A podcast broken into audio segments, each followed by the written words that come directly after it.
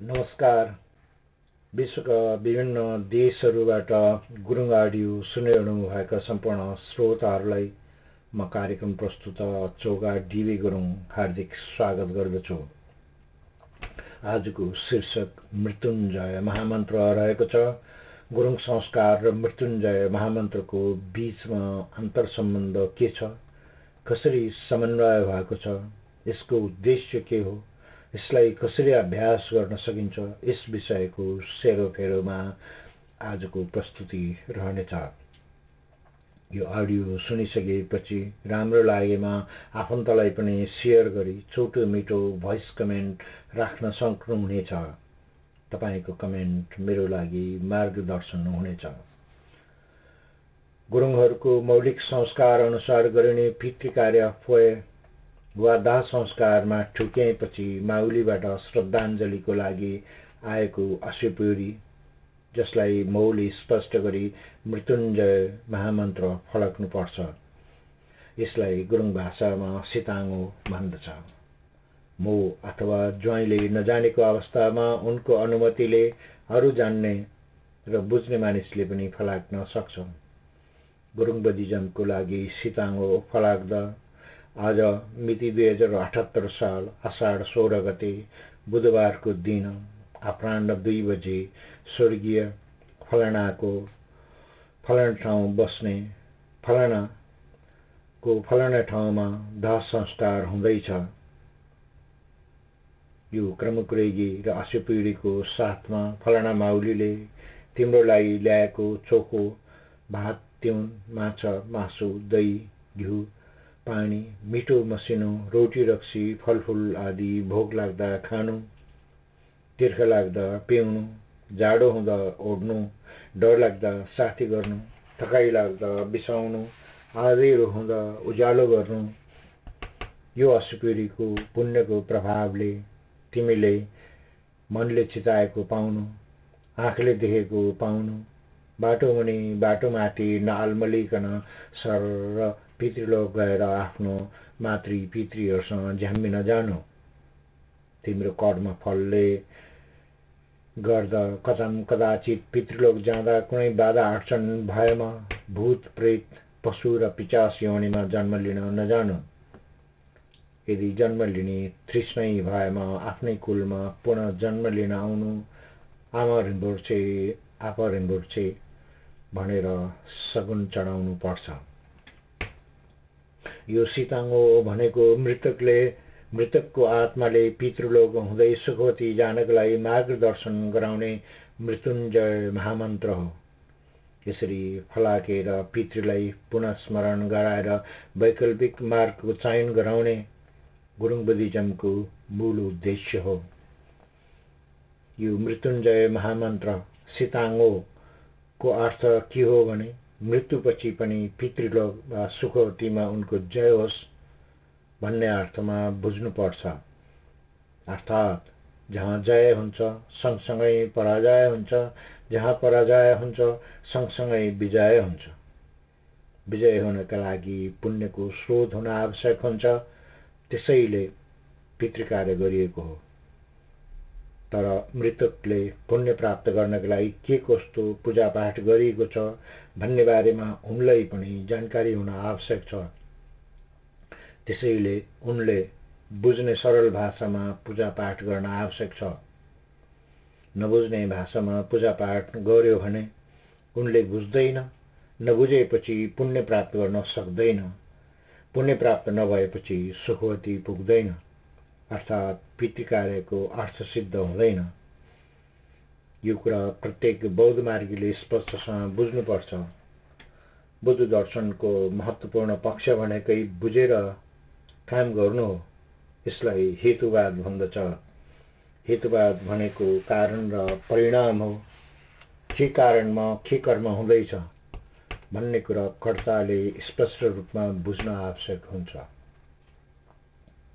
यहाँनिर बौद्ध मार्गीहरूले अलिकति बुझ्नुपर्ने कुरा के छ भने धर्म भनेको के हो? धर्म भनेको के हो? प्रश्न बडा जटिल छ। तर यसको उत्तर भने अति नै सरल छ। किनभने धर्म भनेको वस्तुको गुण र स्वभाव हो जस्तै खुर्सानीको गुण पिरो हुनु हो कागतीको गुण अमिलो हुनु हो करेलाको गुण तितो हुनु र उखुको गुण गुलियो हुनु हो गुण र स्वभाव अनुसार ती वस्तुहरूको पहिचान हुन्छ। वास्तवमा धर्म भनेको यही हो।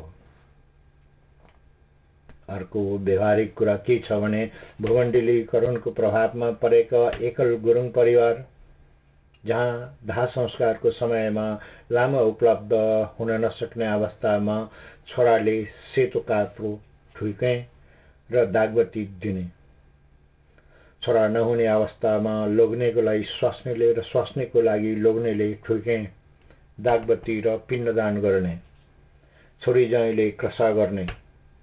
माउलीले आँसीपिउरी दिई मन्तव्यको साथमा एक मिनट मौन धारण गरी अन्तिम श्रद्धाञ्जली अर्पण गर्ने। पैडी चौकीले उपरोक्त सिताङ्गो वाचन गरी तत्कालीन अवस्था हेरी आर्गम पुष्पम धूपम दीपम सुगन्धम नैवेदम सर्वपरिकार महापञ्चामृत स्वाहा इति सिताङ्गो वाचन गरी दाह संस्कार गर्न सकिन्छ। त्यस समय अन्तराभावको साँगुरो बाटो बार्ने बाटोबाट तर्ने सूत्रको पाठ गर्न सकेमा उत्तम हुनेछ।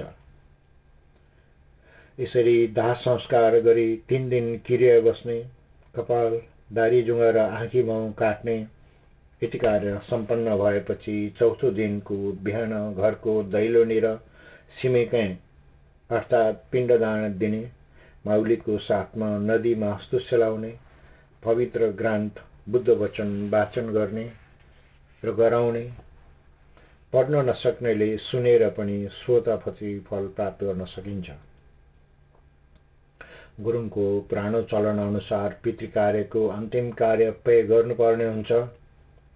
तर एक्काइसौँ शताब्दीको परिवेशमा छोटो मिठो सजिलो र समय सुहाउँदो गुरुङ बुद्धिज्म अभ्यास गर्दा उपयुक्त हुन्छ।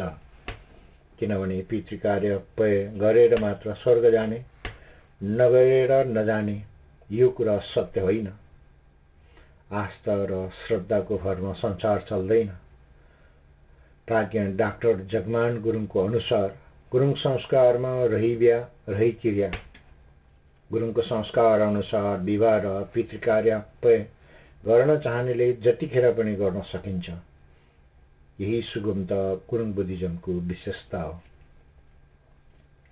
अहिलेको विश्व मानव समुदाय कोरोनाको कहरले त्रासित भएका छन्। यस्तो अवस्थामा को कहिले कहाँ के हुने हो कसैलाई पनि थाहा छैन। अत्यन्तै दुःखद कुरा के छ भने कोरोनाको कहरबाट मृत्यु भएका आफन्तहरूको भाइरसको कारण सतीगति गर्न पनि नपाइने भएमा वा कुनै प्रकारको प्रतिकूल अवस्था भएमा वा प्रवासमा भएमा छोराले गर्नुपर्ने काम कर्तव्य र धर्म के हो भन्ने बारेमा गुरुङ बुद्धिज्मको आधारमा संक्षिप्त जानकारी गराइएको छ। अचानक यस्तो अवस्था भएमा छोराले तिन दिनसम्म किरिया बस्ने। यसरी किरियावस्थ मध्याहभन्दा पहिले एक छाक मात्र साधारण भात खाने। साधारण खाजा फलफुल र चिया पानी खान सकिन्छ। साधारण बिछाउनमा भुइँमा सुत्ने पञ्चशीलको पालना गर्ने अन्य परिवारसँग उठबस नगर्ने यस दौरान मनोरञ्जनको कुनै पनि दृश्य नहेर्ने। सकिन्छ भने सुगवतीको संक्षिप्त सूत्रको पाठ गर्ने। चौथो दिन बिहान घरको अगाडि सिमेगाई अर्थात् पिण्डदान गर्ने माउलीबाट कपालदारी खौराएर चोख्याउने अरू कुराहरू गाउँ र ठाउँको चलन चल्ती अनुसार उनापचास दिनभित्र अनुकूलता हेरी गर्न सकिन्छ। त्यसैले गुरुङ बुद्धिज्मलाई सबैले बुझ्ने सरल भाषामा यो गुरुङ अडियो तयार गरिएको हो। यो अडियो तपाईँको फुर्सदमा जहिले पनि सुन्न सक्नुहुनेछ। यो कुरा तपाईँलाई सही लाग्यो भने दुई पटक तिन पटक सुन्नुहोस् पटक पटक सुन्नुहोस्। केही शब्दहरू स्पष्ट भएन भने फुर्सदको समयमा कमेन्ट लेख्नुहोस् भोइसमेल लेख्नुहोस्। तपाईँको कमेन्टलाई प्राथमिकता दिइनेछ श्रोताहरूको सन्तुष्टि नै मेरो मूल लक्ष्य हो। आदरणीय श्रोताहरू आजको मृत्युञ्जय महामन्त्रको प्रस्तुति सकिनै लागेको छ। आगामी श्रृङ्खलामा उत्कृष्ट जीवन पद्धतिको बारेमा प्रस्तुति लिएर आउनेछु। कोरोनाबाट सुरक्षित रहनुहोस्। यहाँहरूको समय सुखद रहोस्। आज असाढ पन्ध्र र असाढ पन्ध्रको पावन अवसरमा सम्पूर्ण दाजुभाइ तथा दिदीबहिनीहरूमा सुस्वास्थ्य सुख शान्ति समृद्धि र उत्तरोत्तर प्रगतिको लागि हार्दिक मङ्गलमय शुभकामना। बस आजलाई यति नै। जय बुद्ध।